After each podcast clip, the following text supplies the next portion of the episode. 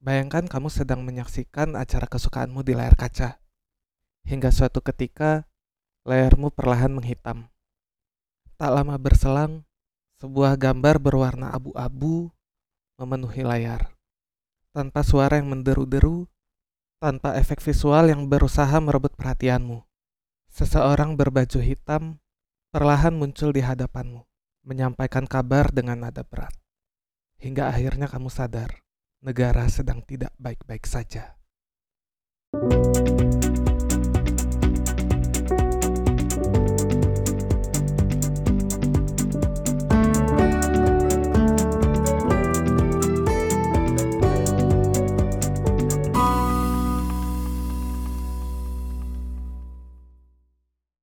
Salam jumpa penikmat layar kaca.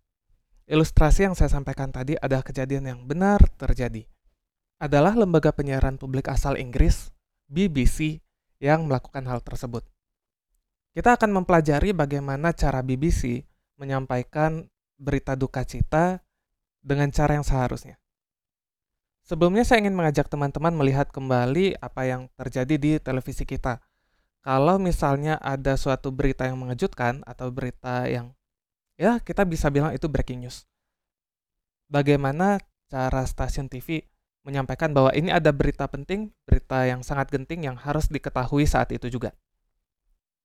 Biasanya diberikan bebunyian yang kencang, diberikan efek visual dalam bentuk gerakan yang cepat untuk mencuri perhatian kita bahwa ini ada berita yang sangat penting, kamu harus dengarkan sekarang.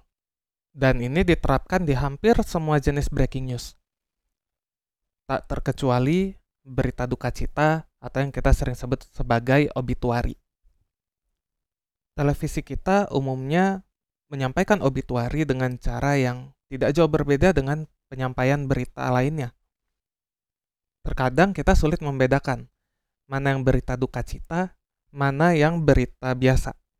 Karena ya, intonasinya tidak jauh berbeda, secara visual juga sama saja dengan berita lainnya, sehingga terkadang kita sulit mendapatkan emosi yang berbeda dari suatu berita yang sifatnya duka cita. Dua peristiwa yang terjadi di Inggris sama dua tahun berturut-turut. Meninggalnya Pangeran Philip pada tahun 2021 disusul dengan meninggalnya Ratu Elizabeth setahun kemudian tentu memberikan kesan duka yang mendalam bagi rakyat Inggris. Dan sebagai media, baik televisi maupun radio, harus mampu menyampaikan kabar duka tersebut dengan emosi yang tepat, dengan penyampaian yang tepat, agar dapat diterima dengan sangat baik oleh penerimanya. Secara khusus, saya akan sampaikan apa yang terjadi di layar BBC. Bagi yang menyaksikan dari layar BBC News Channel, akan melihat satu pertanda di mana suatu kondisi sedang tidak baik-baik saja, yaitu ketika terlihat beberapa orang dari ruang redaksi tergopoh-gopoh menyampaikan berita dan mempersiapkan beberapa perlengkapan untuk menyampaikan informasi penting.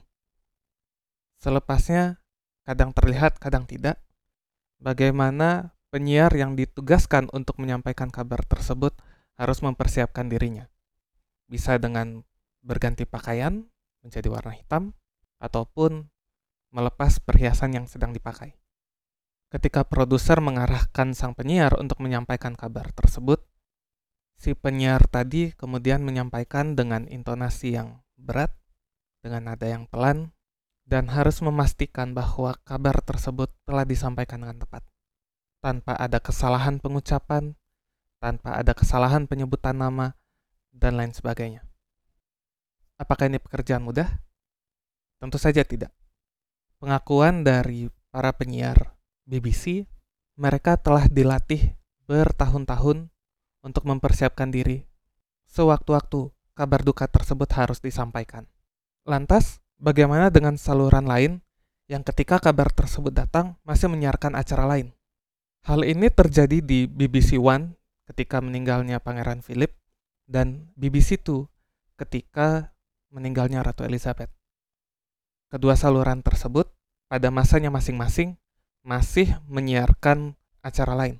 Ketika kabar tersebut datang, Mau tidak mau, teknis siaran layaknya breaking news harus diterapkan. yaitu dengan menginterupsi acara yang sedang berlangsung. Tetapi, berbeda dengan breaking news yang biasa kita lihat, cara BBC menginterupsi program bisa dibilang sangat terukur. BBC memberi aba-aba kepada tim master control baik dari BBC One maupun BBC Two maupun BBC lainnya yang saat itu tidak menyiarkan eh, tayangan dari BBC News untuk menghentikan siarannya pada waktu yang ditentukan. Penghentiannya tidak dengan serta-merta mengganti sumber siarannya menuju BBC News, tetapi diberikan waktu untuk melakukan fade out. Dalam hal ini, suaranya pelan-pelan dibisukan dan gambarnya pelan-pelan menjadi hitam. Saat sejumlah saluran utama sudah siap, title card berwarna abu-abu pun dimunculkan. Benar, ini title card yang berbeda ketimbang yang biasa digunakan oleh BBC. Sementara dari segi suara, hanya disampaikan dalam bentuk ucapan oleh penyiar yang bertugas, tanpa musik, tanpa efek suara yang mengganggu. Sementara saluran lainnya biasanya akan menyusul setelah pengumuman di saluran utama, seperti misalnya di BBC Parliament, atau sebatas memberi pengumuman bahwa ada berita penting di saluran utama. Misalnya pada saluran anak-anak seperti CBBC maupun CBBS. Oke, saya sudah terlanjur menyebutkan saluran anak. Lantas, bagaimana sih cara menyampaikan berita duka cita di saluran anak-anak? Coba deh, bagi kamu yang di masa kecilnya sempat melihat berita-berita duka cita seperti meninggalnya mantan presiden, meninggalnya wartawan, ataupun bencana alam yang sangat besar. Mungkin tsunami Aceh atau gempa Sumatera Barat? Bagi kami yang sudah pernah mendengar kabar tersebut di layar kaca, Bagaimana perasaan kamu waktu itu? Jujur, ketika kabar tersebut datang, saya masih di usia sekolah. Ketika mendengar kabar tersebut, secara emosional saya sedikit terguncang. Dan kita tahu, kabar tersebut kalau sudah tayang di televisi, itu kabarnya bisa ditayangkan berulang-ulang, berhari-hari, bahkan berbulan-bulan. Alhasil ada masanya, di mana saya tidak berani menyaksikan televisi selama lebih kurang satu bulan. Karena saya tidak sanggup melihat atribut-atribut duka cita muncul dan menetap di tepi layar, entah itu tepi atas ataupun tepi bawah.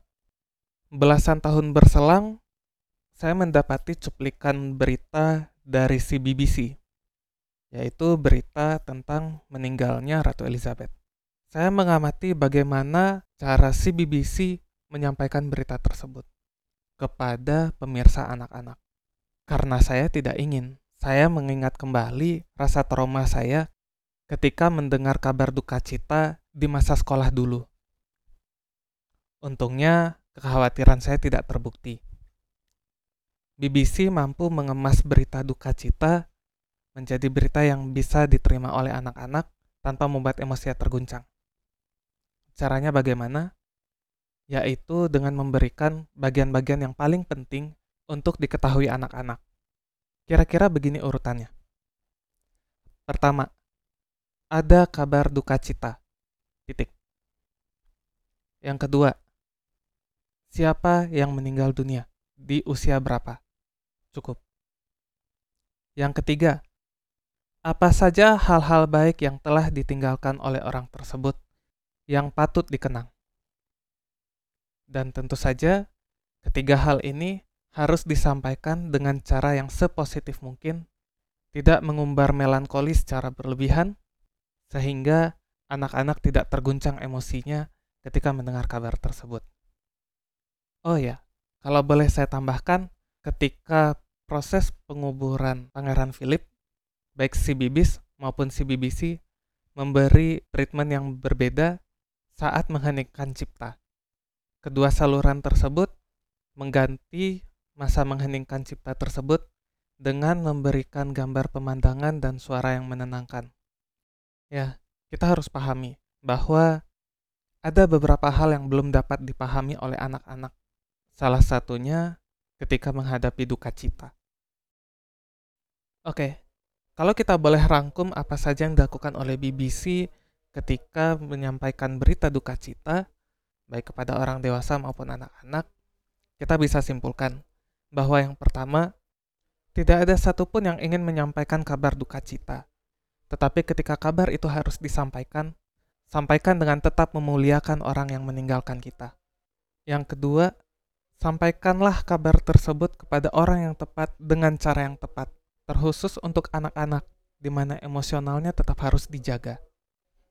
Semoga seluruh media di tanah air bisa mempelajari cara BBC dan menyampaikan kabar duka cita.